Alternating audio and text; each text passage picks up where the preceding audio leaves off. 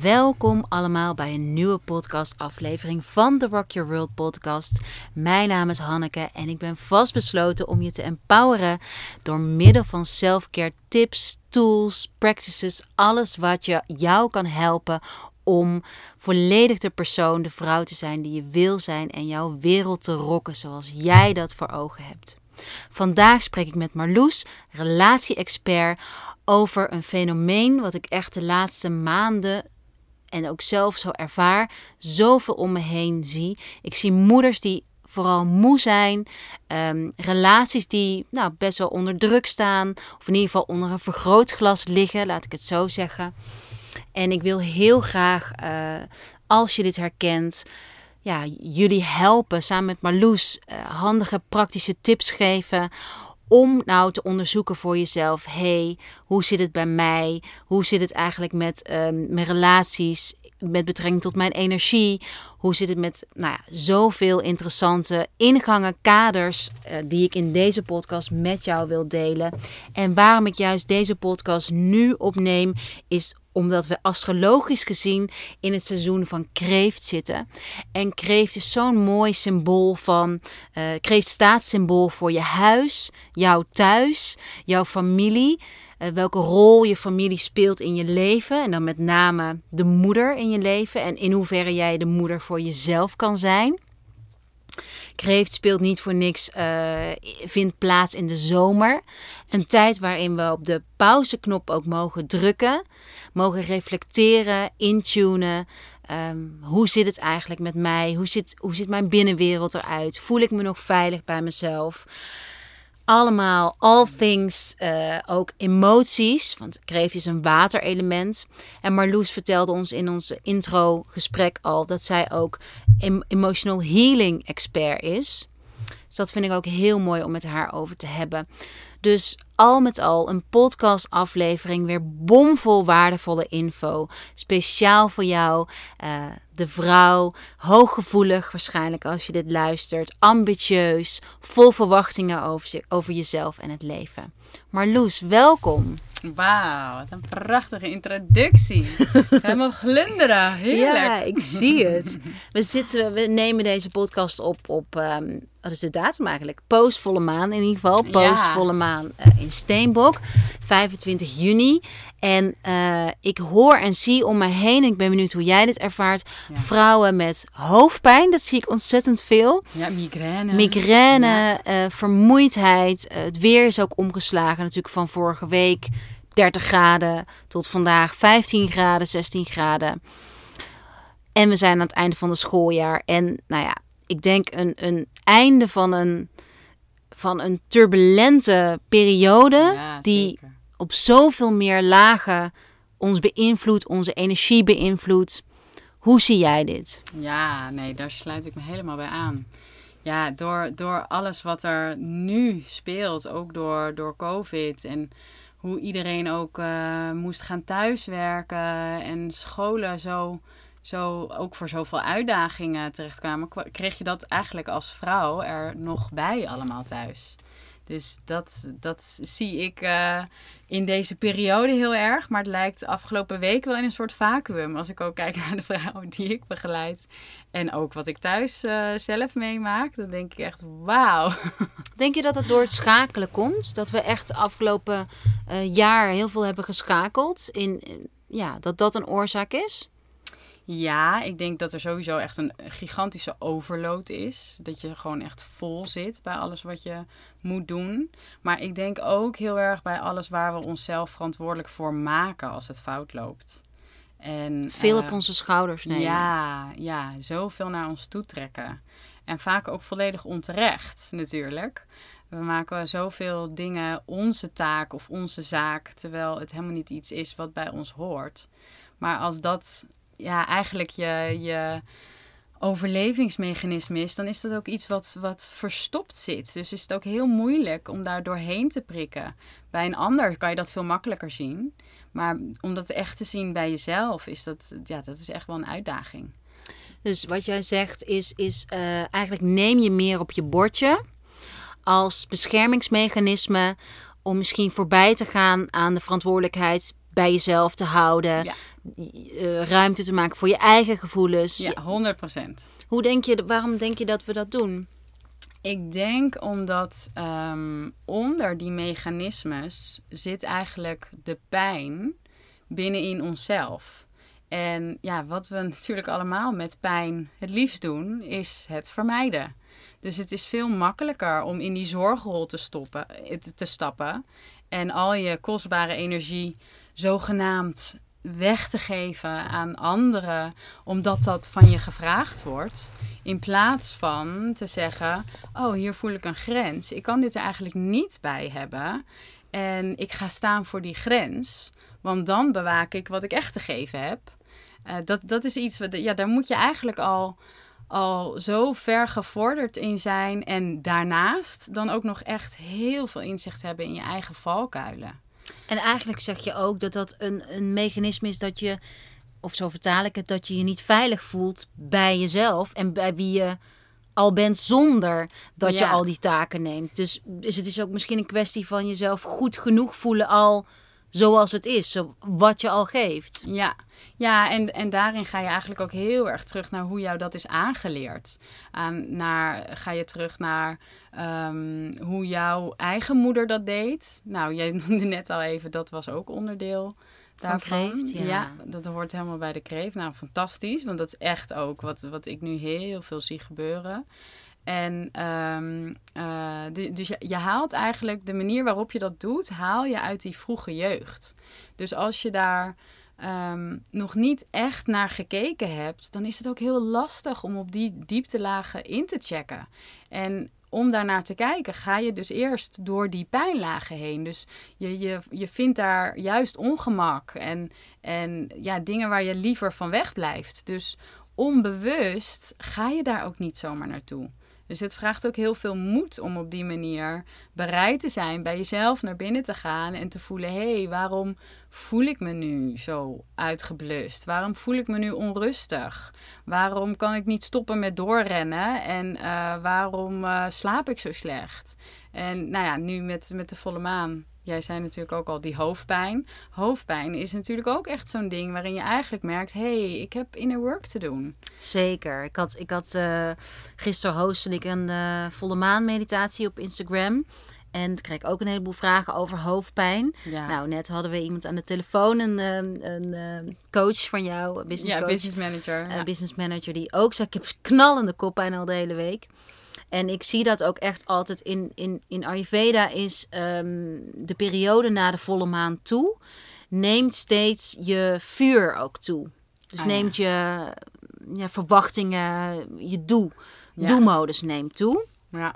Ehm, en, en juist bij vrouwen die heel veel meer in die do-modus zitten en blijven zitten, eh, zie ik dan op een gegeven moment van dat je lijf gewoon zegt van hé, hey, hallo, laat die spanning ook even los. Ja. En volle maan staat ook heel erg symbool voor spanning loslaten weer daarna. Dus het is echt zo'n piek. ja. En durf je de spanning los te laten? En ik zie in die weerstand van spanning loslaten, dat slechte slapen, die hoofdpijn Ja. en... ehm, Ja, eigenlijk zijn het, zijn het een soort van alarmbelletjes. Ja. Van, oh, hier is inner work te doen. Het is gewoon je lijf. Je Precies. lijf probeert je terug. altijd te communiceren met Ja. jou. Dus het is niet tegen je, maar gewoon... hé, hey, luister hier nou even na. Ja, ja en, en het vraagt dan dus ook heel veel moed om te zeggen... oh ja, want tegelijkertijd zeg jij... je krijgt dus meer die doe-energie. Dus je voelt ergens het verlangen om harder te gaan... Ja. om gas bij te geven. En je lijf zegt dus... nee, we schakelen even terug. Ja, Om dit op de goede manier te doen... moet ik eerst even iets doorvoelen. En dat, dat iets doorvoelen... dat is dus waar we vaak dan... dat gaan we niet verkennen. Dat Nee. verdoven we liever of we vermijden het... of we stappen dus in dat zorgen voor anderen. ja, want wat ik... Gisteren had ik ook een mooi gesprek met twee yogadocenten. En die zeiden van eh, dat het niet per se, eh, nu, nu het weer mag, dat de lessen drukker bezocht worden. En eh, dat, dat zij ook heel erg in hun omgeving zien dat op dit moment, eigenlijk waarschijnlijk omdat de moeders al zo moe zijn, dat dan iets voor zichzelf doen eigenlijk de laatste prioriteit is. Want ze hebben het al zo druk. En, ze, Ja. eh, en om dan ook nog eh, te sporten of yoga te doen. Ja. ja, het is het eerste wat we eigenlijk niet doen. Terwijl dat eigenlijk zodra je voelt dat, dat het vol begint te worden, of dat je lijf begint te zeuren, zou het het eerste moeten zijn wat, wat we prioriteit maken. En toch hebben we allemaal, inclusief ikzelf, hè, laten we even voor de duidelijkheid zijn, hebben we allemaal eerst die weerstand te overbruggen. En dus te zeggen: Oké, ik dit is het laatste waar ik nu zin in heb. Helemaal niet, maar ik voel dat ik het nodig heb en dus zeg ik nee tegen al die andere dingen. Ja, want geen tijd is altijd een, uh, een heel slap excuus. Ja, nou ja, en, en het is gewoon never ending. We hebben nooit echt tijd. Hoe, hoe, vaak, hoe vaak heb je nou echt tijd als moeder? Dat is gewoon uh, eigenlijk zelden. Ja, mooi. En jij zegt dus en ik zeg dat ook, want dat is ook heel erg die energie van kreeft. Ook in astro-readings ga ik daar ook altijd naar op zoek als ik één op één consulten heb van... Uh, ja, ik, ik doe dat ook heel intuïtief. Maar hoe we voor onszelf zorgen, toch, dat zeg jij, wordt eigenlijk al gevormd in de eerste maanden, jaren. Bedoel je daar dan mee van ons, ons gevoel van eigenwaarde en de erkenning of, of om voor onszelf te zorgen, wordt dan ge, nou ja, ik denk dat het een, een samenkomst van een hoop dingen is. Maar um, um, als baby kun je gewoon alleen maar voelen. Dus je voelt alleen de vibraties die je ouders uitzenden. En, en als daar. Uh, en, en dus ook je directe omgeving. Dus als daar uh, negatieve gedachtenpatronen zijn, dan zorgt dat voor negatieve emotiepatronen. En ondanks dat beide natuurlijk bij het leven hoort, heb je als, als baby nog helemaal geen baseline op die ervaring. Dus je, je neemt gewoon letterlijk als een spons op wat jou is voorgedaan. En daarnaast krijg je natuurlijk uh, alles waar, waar jij ook bekend mee bent. Um, dat dat co-creëert daar natuurlijk ook in mee. En je krijgt dan in de eerste uh, zes jaar eigenlijk de blauwdruk voor al je relaties de rest van je leven. Dus ja, je, je wil juist in die fase eigenlijk heel bewust kijken ook naar wat heb ik te geven als moeder. Want ja, dit is, dit is, als je er nu niet naar kijkt en je maakt het niet belangrijk, dan schuif je eigenlijk die energetische rekening door naar je kinderen. Want je zadelt ze letterlijk op met, met alles waar, waar je zelf eigenlijk nog geen ruimte voor wil maken. En ja, wel echt ook met de ja, de, de, de, de mildheid naar jezelf. Want dit wordt natuurlijk ook heel vaak gebruikt als een soort van strengheid om jezelf mee af te straffen. Van, oh ja, ben ik weer de mist ingegaan? Ben ik weer gaan schreeuwen? Of ik had geen geduld? Of ik had eerst beter moeten onderzoeken voordat ik begon mhm. te, te straffen? Of nou, wat we dan in dat moment fout hebben gedaan. Maar het is wel goed om je hier bewust van te zijn. Want uiteindelijk ben je als als moeder en als, als ouderteam ben, ben jij degene die er verantwoordelijk voor is. Je kind is gewoon overgeleverd aan dat wat jij doet. Ja. Dus die kan die verantwoordelijkheid nog niet nemen. En juist daarom is het zo belangrijk om jezelf op de eerste plaats te zetten en die selfcare ja. te geven. Zo'n hele mooie zin. Um, you gotta take what you give. Ja. Dus dat, dat wat je geeft en neemt, dat, dat moet in balans zijn. Ja. hey, en Marloes, ik kom dan ook heel vaak, um, jij zegt al, al um, mildheid voor jezelf. Ik kom dan ook heel vaak die strengheid tegen, de schuldgevoel. Dus stel je voor, um, je bent moeder en je luistert en je denkt, ah, kak, ik heb die eerste zes jaar van mijn kind zo ontzettend verpest. Wat een rotmoeder ben ik. Heb je daar een advies voor of hoe, of hoe werkt dat? Ja, nou allereerst is het natuurlijk je, je eigen afwijzing. Dat is ook dus wat er doorgegeven wordt aan je kind. Dus juist um, als jij het als een volwassen vrouw ziet, dan kun je dus zien. Nou, in dat moment wist ik niet beter. Ik kon niet beter. Dus je, je wil eigenlijk ook altijd met, met die vergevingsgezindheid terugkijken naar het verleden. En um, compassievol zijn ook juist voor jezelf als je dat inzicht krijgt. Want um, wat je nu ermee doet, dat bepaalt hoe je het meeneemt naar de toekomst. En als je het nu gebruikt om jezelf daarmee af te branden, ja, dan, dan gaat eigenlijk de gift erin gaat verloren. Want je kunt er nu iets anders mee doen. Het kan je namelijk nu het inzicht geven. En dus maak ik die selfcare wel belangrijk. En dus val ik niet meer uit tegen mijn kind de volgende keer. Of is het in ieder geval minder? Of is het. Laat ik het uh, sneller los. Juist. En, en kun je ook weer sneller die verantwoordelijkheid pakken. En dus zeggen: Sorry schatje, dit lag niet aan jou. Mijn emmertje zat nu gewoon even vol. En wat jij deed was niet fijn, maar ik ben niet boos op jou. Ik kon het er niet bij hebben. Ja, en, helemaal bij jezelf leggen. Ja, en dat is een voorbeeld wat, wat kinderen zo hard nodig hebben. Juist om te voelen, ik ben het waard. Maar als jij zelf niet voelt, ik mag die ruimte innemen. Ik mag ook even de bocht uitvliegen. En daarna kan ik dat ook, kan ik dat ook weer repareren en daar verantwoordelijkheid voor nemen. Dan krijgt je kind dat voorbeeld niet. Alles dus het, gaat over ruimte. Ja, en het, en het gaat er ook vooral over dat je dus niet perfect wil doen. Dat je ook je kind niet het voorbeeld geeft dat dat niet mag. Want die emoties, nou zeker in een week als dit, die horen erbij. Dus dan gaat het er niet over wat voor oordeel je op die emoties hebt, maar hoe verwelkom ik ze en hoe laat ik ze dus ook weer gaan. Want een emotie heeft uiteindelijk maar uh, 30 tot 60 ja. seconden echt grip op jouw systeem. En hoe langer het bij ons blijft, dat is gewoon volledig het verhaal waarmee Zeker. we dat zelf in stand houden. En dat is dus ook het punt waar je eigenlijk die, die laagjes wil pellen om uit te komen bij die, die diepe pijn in jou, waar we dus zo hard van weglopen. Ja. ja, ik vind dat wel een mooi haakje nog. Want zo, zo gebruiken wij natuurlijk ook heel erg de geuren en de sprays. Ja. Uh, bijvoorbeeld de energizing spray. Uh, als hulpmiddel om jezelf uit een situatie te halen. Ja. Dus de energizing spray. Ja, heb jij niet toevallig? Via de, de, nee, de, oh, de, de New Moon Oil heb ik. Oh ja, maar in ieder geval de energizing spray bevat bijvoorbeeld salie. En dat is natuurlijk echt het, de olie om uh, je te helpen iets schoon te maken. Ja. Dus dat is zo mooi. Kijk, soms, mensen dat ervaring, soms moet je communiceren met je onderbewuste door een kleine routine, door een klein ritueel. Ja. Dus voor als je dit hoort en luister je maar, oké, maar hoe laat ik dan los? Zet even die ramen open. Uh, spray met de energizing spray. Um, ik doe ook heel vaak eventjes... Uh, Juist in beweging komen. In beweging komen, ja. losschudden. Allemaal ja. mooie... Nou, zeker bewegen helpt ook heel erg om emoties ook en de ruimte te geven, maar ook om het door te laten stromen en het jou dus ook weer los te laten. Precies. Dus, dus ook al voelt het helemaal niet als iets wat je, wat je makkelijk binnen kan laten of ook weer makkelijk loslaat, dan is juist bewegen heel helpend daarin. Net als dieren dat doen, ja, toch? Ja, Die laten ja, ook zeker. spanning los door iets van zich af te schudden. Ja, ja. En Ja. hoe, hoe ehm, wat ik ook vaak zie in, in, in sessies en op retreats, is dat eh, vrouwen dan eigenlijk niet of het lastig vinden naar hun. Nou, laten we zeggen, er zijn twee kampen. Er zijn kampen die dan eh, het lastig vinden om naar hun ouders te kijken. O- o- Of, ja, kritisch te kijken. Of je hoeft niet eens kritisch, maar gewoon te onderzoeken om.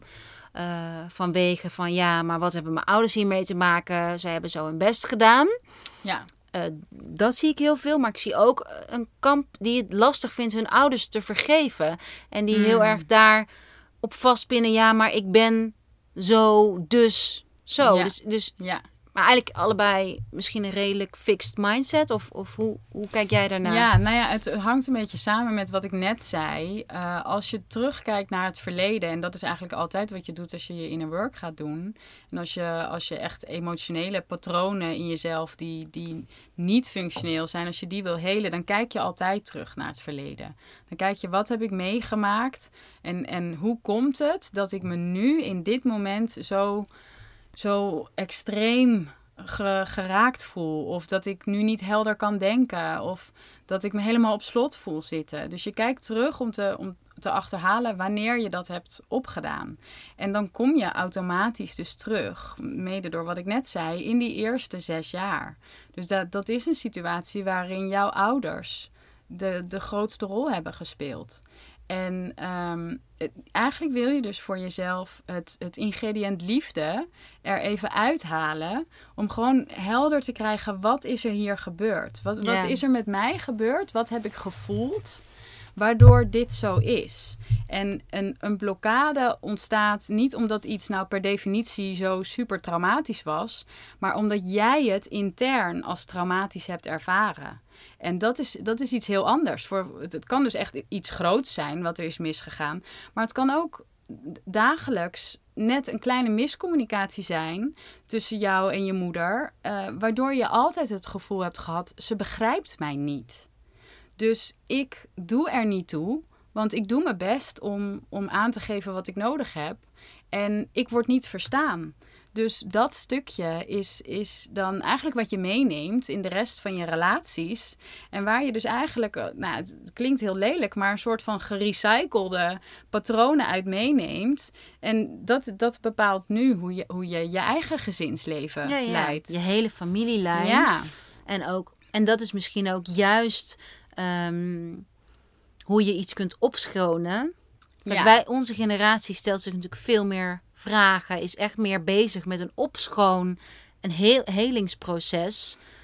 Ja, dan onze. En, en ik denk ook dat we daar nog meer toe gedwongen worden doordat we zo vol zitten. We zijn nog nooit zo vol geweest, agenda technisch, met, met uh, informatie tot je nemen, wat er van je gevraagd wordt. Het is nog nooit zo extreem veel geweest. Dus juist ook nu met, met wat er met COVID allemaal gebeurd is, is dat nog erger. En uh, ook als je dus als, als jonge moeder uh, wel ambities hebt, dan heb je automatisch zo'nzelfde soort vergrootglas op al die patronen liggen. En daarom is het ook zo interessant om vooral te kijken naar wat er gebeurt binnen die vier muren van je gezin. En dus ook dat vergrootglas te leggen op je kind. Want vaak voelen we als, uh, ja, als moeder wel dat we ons kind zo vrij mogelijk willen opvoeden. Dat we zoveel mogelijk voor ons kind willen doen. En vanuit die ingang kun je dus ook kijken, oké, en waar zitten dan eigenlijk de grenzen van mijn geven? Ja, precies. Omdat, omdat daar het bewustzijn echt voor het oprapen ligt. Ja, want ik, ik, zie ook, sorry dat ik je onderbreek, ik zie ook die keerzijde dat moeders zich zo snel schuldig voelen over, omdat we zoveel weten over, over uh, dit onderwerp meer. We zijn meer boeken gaan lezen en we zijn ons meer bewust gaan worden over opvoeden, over wat gezond eten betekent, over gamen, whatever. En ik zie dat ook dat we daar, daar ook weer schuldgevoelens over ontstaan. Over, oh, ja, mijn kind eh, heeft nu te veel snoepjes op. Of uh, hij heeft te lang gegamed omdat ik dit. Maar tegelijkertijd um, uh, is, er, is er ons eigen werk. En hebben we bijvoorbeeld onze kinderen eerder um, soms thuis moeten houden. Maar hadden we nog wel die meeting? Hoe, hoe kun je daarbij zacht naar jezelf blijven kijken? Nou ja, wat, wat voor mij het meest werkt en wat ik dus ook echt adviseer aan, aan de vrouwen die wij begeleiden, is als je dit voor je kind wenst, dan mag je dat dus eerst aan jezelf geven. Dus stel je hebt zo'n meeting. Je, je, je dropt je kind af op school en in jouw hoofd zou dat vijf minuten duren. Maar er is somehow iets aan de hand waardoor je kind helemaal overstuur raakt. En ja, jij denkt meteen, oh my god, die belangrijke meeting, die ga ik niet halen.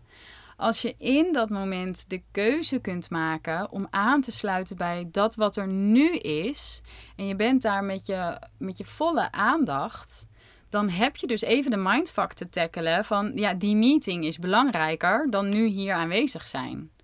En als je die ruimte neemt, dan is de, de, de paradox eigenlijk dat je met de kwaliteit van aandacht die je dan jezelf kunt gunnen, kunt aansluiten, kunt, kunt voelen wat er, wat er nodig is voor jou, omdat je even, of voor je, voor je kind, omdat je even de ruimte neemt om te vragen: wat is er, wat heb je nodig, wat kan ik nu voor jou doen, zodat je die stapjes die in dat moment dan even te groot zijn, weer kleiner kan maken, daarin op weg kan helpen en dan weer kan loslaten vanuit vertrouwen. Maar als jij daar zit met ik moet nu naar die meeting. dan is er geen vertrouwen. Je kind voelt alleen maar, er is geen ruimte voor mij. En wat doet een kind dan? Ja, die is wel authentiek aan wat hij voelt. Dus die gaat nog harder brullen. Dus eigenlijk los je het dan juist niet op, omdat je jezelf niet de ruimte geeft. En dit, dit is echt altijd aan de hand, als we er niet uitkomen. Ja, ja. mooi. Nou, ik, ik zit heel erg te bedenken over... Ja, ik heb best wel mazzel in die zin, omdat ik natuurlijk eigen ondernemer ben... En um, ja, voor mij ja, dat soort deadlines zijn er nee, niet. Nou ja, ik, ik ben heel makkelijk daarin. Mm, daarin ben ik denk ik heel makkelijk van ja, die vijf minuten. Ja, Tenzij bijvoorbeeld, dat ben ik ook benieuwd hoe, hoe jij dat regelt. Want dat zie ik ook bij heel veel uh, gevers, dus ondernemers die geven, uh, online teachings hebben gegeven, um, of yoga online, meditatie online. Hoe je dat dan zo goed inricht, zodat je niet vijf minuten voor tijd mega gestrest en kids. Ja. Dan, dat is ook nog een. Um, ja, zeker. Nou, maar eigenlijk sluit dat wel aan bij wat jij ook noemt. Van ja, jij hebt zelf de keuze gemaakt om ondernemer te zijn. Mede omdat je deze vrijheid voor jezelf en je gezin dus ook belangrijk vindt. Dus dat, dat kun je, je kunt dat soort keuzes alleen maken vanuit voelen wat jij wenst voor jezelf. Dat betekent dat je, dat je die verbinding ook moet maken met jezelf om daar toe te komen.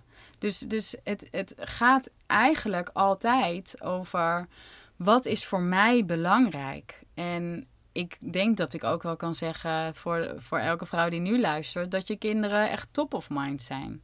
Dus als je daarin voor hun wenst dat zij de wereld voor zichzelf mogen wensen, dan begint dat bij jezelf die ruimte dus ook geven. Ja. Ja, en keuzes maken. En steeds. En keuzes durven maken. Keuzes durven maken. En, en daar gaat het weer terug op. Uh, ja, ja, echt die, die, die. Ja, als ik kijk, dat ik, ik moet denken aan een post die ik ook een maand geleden had gedaan over energy leaks. Uh, en wat ik zelf ook echt uh, tegenkwam gedurende het afgelopen jaar met proberen te multitasken. Dat multitasken werkt nooit. En um, dat je zo onrustig kan worden en zoveel energie verliest als je zoveel dingen tegelijk wilt doen.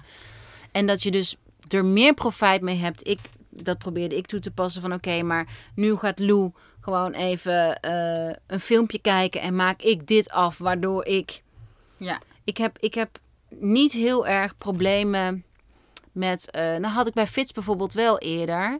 Want die heeft in de eerste drie jaar van zijn leven geen suiker gegeven. Wilde ik zo min mogelijk suiker. Was ik zijn eerste verjaardag uh, speciaal taarten aan het bakken. Niet van de bakker, maar gewoon allemaal zelf suikervrij. Nou, ik had het dan niet op suikergebied, maar wel ook het stukje uh, beeldscherm bijvoorbeeld. Oh, ja. Ik keek er bijna niks. Ik had toen ook geen tv, dus dan moest ik echt mijn laptop daarvoor gebruiken.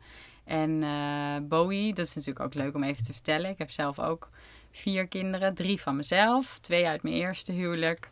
Eén uh, die kwam samen met mijn man, dus dat is mijn bonuszoon.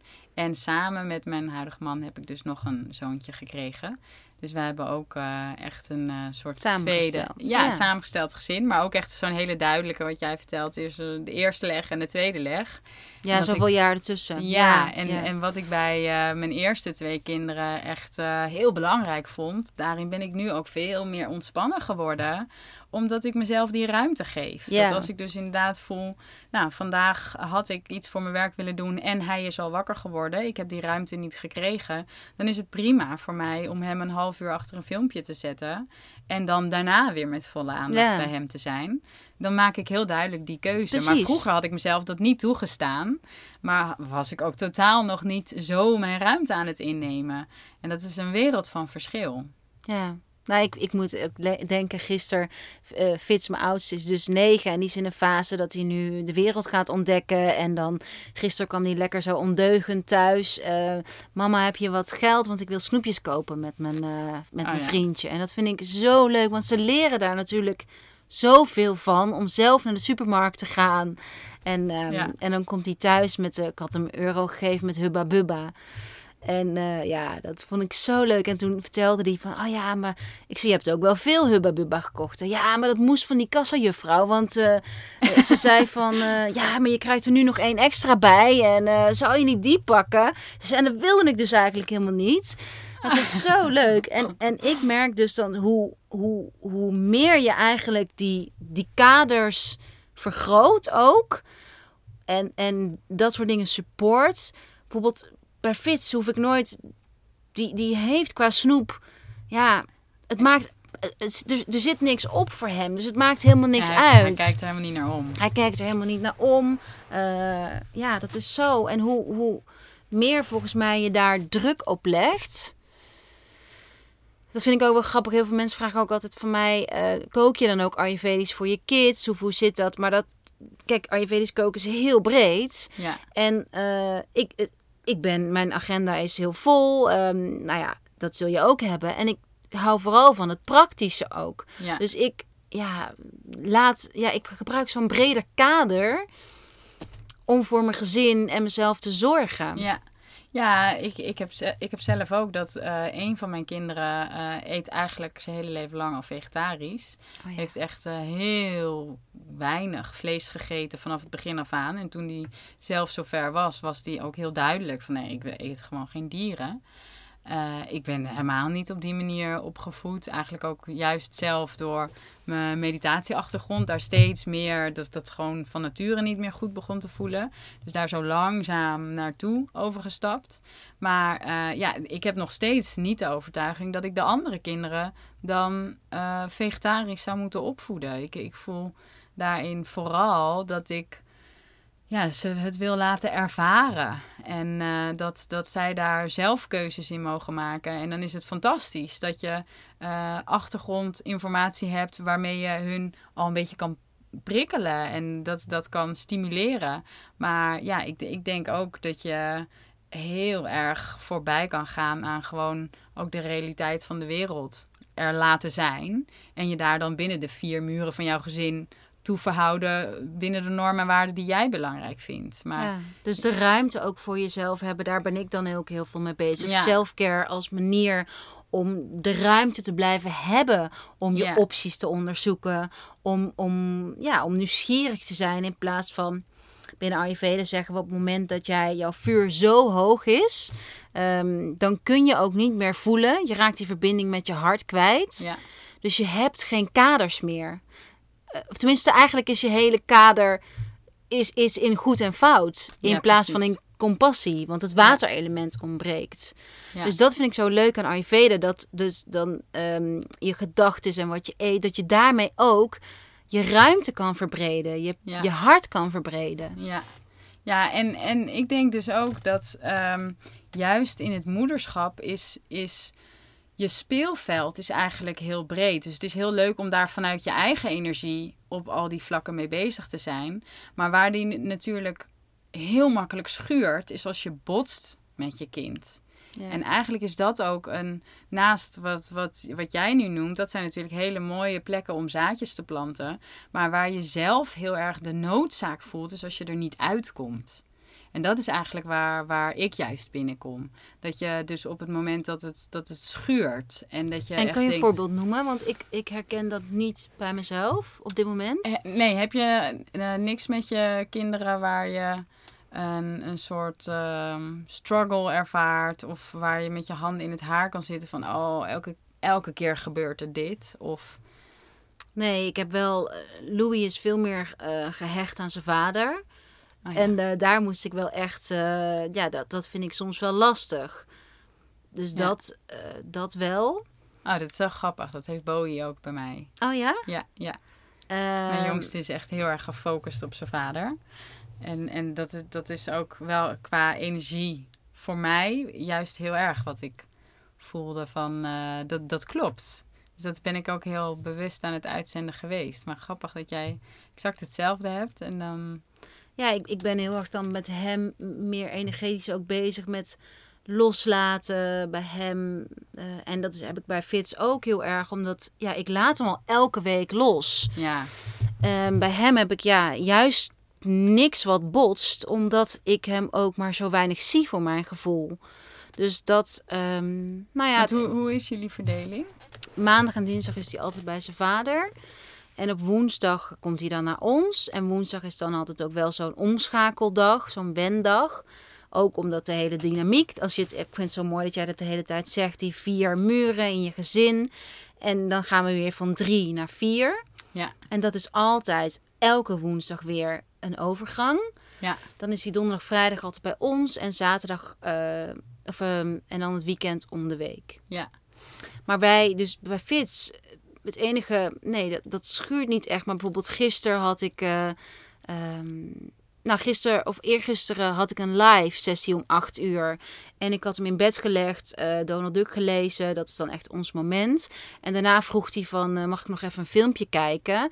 En eigenlijk normaal doe ik nooit in bed filmpje kijken of iets. Maar toen zei ik van, of hij zei van, ja, ik heb dat met Clint afgesproken, mijn vriend. Ik zei, nou oké, ga maar filmpje kijken. En toen kwam ik terug na een half uur. En toen was hij dat filmpje, was hij nog op zijn telefoon aan het kijken in bed.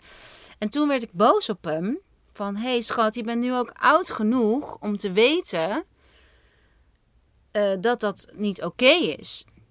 En toen hij zit dan, hij zei dan meteen, meteen overstuur, omdat hij weet dat hij iets, dat hij mij teleurstelt of iets. En toen zei hij van, uh, ja, nu geef je mij de schuld. En, uh, maar ja, ik heb niet echt iets. Ja, maar dat is, dat is al wel een mooie, want toen had je daarna dus eigenlijk de live. Nee, die had ik dan al gehad. Ah, had dus, al gehad. Uh, ik ging hem op bed. Ik doe, probeer altijd voor de lives uh, de kids al op bed te leggen. Zodat ik hun ook aandacht heb gegeven. En dat dat helemaal oké okay is. Want Clint, mijn partner, is die daar iets minder sterk in. Met, uh, ik weet niet hoe het bij jou gaat. Met bedden, tanden poetsen. Ja. Ik hoor mezelf echt 15 keer per week zeggen: Hebben jullie je tanden gepoetst? En nou, dat hoor ik hem echt nooit zeggen. Ja, gepoetst, uh, handen gewassen, schone kleren, schone boxershort aan. Dat is gewoon echt iets wat volgens mij vrouwen vooral. Ja, nee, ik, ik heb wat dat betreft een hele schone man. ik Die, niet. Ja. nee, maar bij ons doen we wel het, het bedritueel is inderdaad meer mijn afdeling. Dan uh, zit hij eigenlijk gewoon al een soort van vol. Dus bij ons is ook die verdeling meer. Hij ruimt dan de keuken op. Oh, en ja. zorgt weer voor beneden. En ik doe het dan uh, boven met de kids. En als hij ze ook in bed legt, is dat veel meer snel. En voor mij voelt dat juist altijd heel erg als een soort oplaadmomentje. Omdat als ja, je die één op één aandacht geeft. Nou, dus net eigenlijk wat ik net zei over op dat schoolplein staan. Als je in dat moment de keuze maakt. Ja. Ook met s'avonds je kinderen in bed leggen. Als je dat echt met je volle aandacht doet dan zijn dat echt de magische momentjes ja, van de dat dag. vind ik selfcare. Ja. Dus, maar, maar ja. wij verdelen het vaak. Uh, Clint doet vaak Louis. En ik doe vaak Fits. Omdat ik hem dan ook gemist heb. En precies die Ja. verbinding. Samen in bed liggen. Ja. Ja, en tegelijkertijd is dat natuurlijk ook waar het het snelst fout gaat. Als je voelt dat je emmer vol zit en alles dus een beetje als te veel voelt. Je overprikkeld bent, je oververmoeid bent. Uh, en het, het hoeft nog niet eens oververmoeid te zijn. En gewoon als je moe bent, dan kan een, een, een naar bed brengen ritueel kan al ook veel eisend voelen. Ja, En- ja, dat was bij Fits in de eerste drie jaar van Ja. zijn leven. Ja, Daaraan herkende ik ook bij mezelf van... oké, hier gaat iets niet goed. Want ik heb niet eens elke avond als ik hem een boekje moet lezen... dan voelt het als pff, moet ik dat nog? ook nog. Ja, Terwijl dat voelt echt... Dat nu helemaal. Het voelt echt Nee. als van, oh yes. ja, ja. Ja, dus dan zie je eigenlijk al wat, wat voor weerstand het heeft als je daarmee begint. En hoe, de, hoe dan de, de motherhood journey je al heeft meegenomen daarin. En dat al veel zachter gemaakt heeft. Maar ik denk wel dat dat, dat voor een heleboel vrouwen ook echt een, een, een enorm confronterende spiegel is. Dat je echt ziet van ja, ik vind dat ik hier nu ruimte voor moet hebben, maar ik heb het niet. En dus gebruiken we dat weer om onszelf nog meer af te wijzen. En eh, eh, ja, juist als je dan gaat kijken, wat gebeurt er in dat moment? Helemaal als het dus ook clasht met je kind. Als je, als je dan, nou, wat- jij net noemde, als hij dan zegt, nou, je geeft mij nu de schuld. Dat zijn zulke mooie rode lopermomenten om bij jezelf naar binnen te gaan en te kijken wat er dan in jou geraakt wordt. En dat, dat is eigenlijk als je dat steeds doet, dan bevrijd je je kind echt van nou, dat stukje zelfafwijzing nodig hebben voor het voelen van, oh ja, ik, ik mag die ruimte innemen. En we hebben het nu vooral over het moederschap, maar eh, jouw expertise ligt natuurlijk ook in relaties. Want ik heb bijvoorbeeld wel de clash met, met Clint, mijn partner, over. Hij vindt het bijvoorbeeld, eh, hij kan het vervelender vinden als ik eh, van de klok ben of dat ik probeer structuur aan te brengen. Ja, Dat was ook zeker in het begin van onze relatie. Hij, ja, Fitz was er natuurlijk al. Hij was geen vader. En, en, en ja, hij kwam in ons gezin. En daarin kwam hij van in zijn eentje wonen in Frankrijk.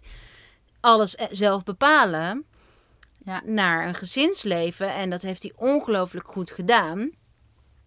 Maar waar wij bijvoorbeeld dan clashes over hebben is... ehm, en ik denk dat veel vrouwen dat herkennen, is in, in vooruitdenken of in, ehm, weet je wel, ja, dat je gewoon ook ritme en structuur voor je kids wil. Ja. Versus eh, de man die kan zeggen, ja, maar nu eh, gaan we toch even allemaal lekker, uh, nou ja, de, ruim, de ruimte nemen of maken de bedtijden niet uit. En dat je dan ook zo'n zeurende vrouw voelt die zegt van, ja, maar nu... Ja. ja, ik denk dat die um, mechanismen eigenlijk ook gewoon heel erg... Het, het, het is niet een man-vrouw verschil maar ik denk wel dat je in je relatie altijd die tegenpolen aantrekt. En uh, um, wat, wat dus heel interessant is om te bekijken, is um, ja, wat, wat raakt het in mij? Dus dat stukje opnieuw met, het, met je ruimte innemen. Als het belangrijk voor jou is om die tijd wel te hanteren, dan is dat dus ook iets waar je ruimte in mag nemen in, in je relatie. En dus ook kan kijken van oké, wat heb ik nodig om hier beter mee om te gaan? Wat kan ik daar zelf in doen om daar minder last van te hebben? Wat voor, wat voor um, grenzen kan ik zelf respecteren? En wat kan ik aan mijn partner vragen of um, mededelen als dat nodig is?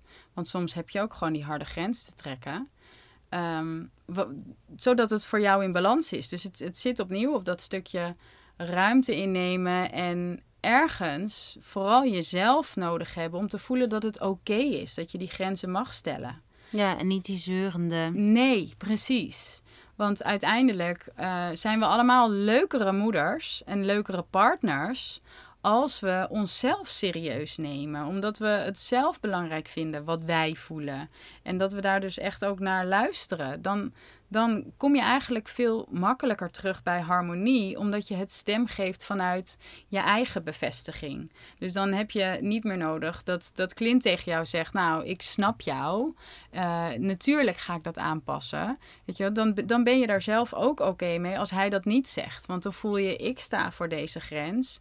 En dat waar ik wel invloed op heb, die ruimte neem ik in. En ik ontmoet hem op die grens om te zeggen: Nou, dit is wat ik van jou nodig heb als je me daarbij wil helpen. En ik ga er zelf op deze manier mee werken. Ja, dat, dat, is mooi. Kun je dan ook weer terugvragen.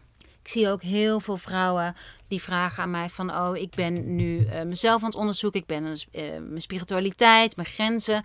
Maar mijn partner vindt dat gek of die gaat daar niet in mee. En dat, dat komt eigenlijk op hetzelfde neer als wat jij nu zegt. Uh, ja, hoe sterker jij je voelt in jouw grenzen... en jou jezelf de grenzen gunt, maakt het helemaal niet meer uit wat hij vindt. En zal hij veel makkelijker met jou meebewegen ja. als jij ergens voor staat. Ja, nou ja, als je, als je, het, als je iets vragend doet, dan, de, dan voelt de ander ook de ruimte om, om daar zelf invulling aan te geven. Terwijl als je zegt, dit is waar ik voor sta, en dan komt de vraag dan, is dat een iets, iets, dan is dat een hele andere beweging. En dan zie je opnieuw weer, als je, als je teruggaat naar, naar hoe je dat dus vroeger geleerd hebt, dat je dus automatisch uitkomt bij je ouders, hoe jouw ouders dat deden. En als je dus wil kijken naar hoe los ik nu mijn eigen relatiepatronen, hoe los ik die op als ze niet effectief voor me werken, ja, dan kom je gewoon terug bij de basis. Van ja, daar heb ik gekeken wat ik, wat ik nu heel normaal vind om te doen. En als je dat dus wil veranderen, moet je gewoon terug bij jezelf naar binnen om, om echt te voelen: oké, klopt dit voor me? En hoe komt het dat ik dit zo doe? En waar zoek ik dan eigenlijk naar? Zodat je daar jezelf verantwoordelijk voor kan maken. Mooi. En um, jij geeft hier binnenkort een hele mooie masterclass over. Ja, die gaat echt over de, de ouder-kindrelatie. Maar ja, natuurlijk is, is elke relatie is, is een verlengstuk van hoe is die relatie met jezelf. En uh, waarom zou iemand deze masterclass echt moeten bekijken? Nou, als jij voelt dat je dus lastig uh, het lastig vindt om die ruimte in te nemen. Om dus jezelf te stoppen in dat doorrennen, in dat zorgen voor anderen in plaats van die self-care first. Als je uh, vastloopt Juist ook in interactie met je kind. Als je denkt, dit overvraagt me elke keer. Zoals wat jij ook heel mooi zei. Van nou, die, die eerste drie jaar, had, ja, dat voorleesmoment, dat moet leuk zijn. Maar ik ben gewoon helemaal uitgecheckt dan. Als je dat soort situaties hebt. En als ze vaker voorkomen dan je wil, dan wil je hierbij zijn. Want dat is exact wat we gaan ontleden. We gaan je echt stap voor stap aan de hand meenemen in hoe zo'n conflict situatie in de interactie met je kind je altijd die ingang geeft tot de, de pijn bij jezelf. En dan ook dat je dus dat energie, want dat sloopt natuurlijk, Ja. eh, dat, dat kost een, vreet energie. Ja, Hoe je dat dan door, door echt te, gaan onderzoeken, hoe je dat, eh, nou eigenlijk, zo heet de masterclass ook, van energieslopende gezinsuitdaging naar ontspannen verbinding met je kids. Zodat je dat, ehm, ja, zodat je dat echt voor kunt zijn. Of het eigenlijk, ja, toch? ja absoluut. Ja, ja, zodat je dat eigenlijk kunt gebruiken als ingang voor je eigen inner work. Precies. Voor je eigen persoonlijke ontwikkeling en spirituele groei. En deze masterclass is op 8 juli om 8 uur 's avonds. En rectificatie, de masterclass is 15 juli, donderdag 15 juli om 8 uur 's avonds. De inschrijving voor deze masterclass vinden jullie in de show notes. Dus klik vooral op de tekst hier bij de podcast. En dan eh, vind je de link naar de inschrijving van dit eh, exclusieve eh, masterclass. Dus hier wil je gewoon bij zijn. Nogmaals, de titel van de masterclass: van energieslopende gezinsuitdagingen naar ontspannen verbinding met je kids. De link vind je hieronder. Dank jullie wel voor het luisteren. Dank je wel, Marloes. Ja, heel graag gedaan. Dankjewel. En ehm, tot de volgende keer.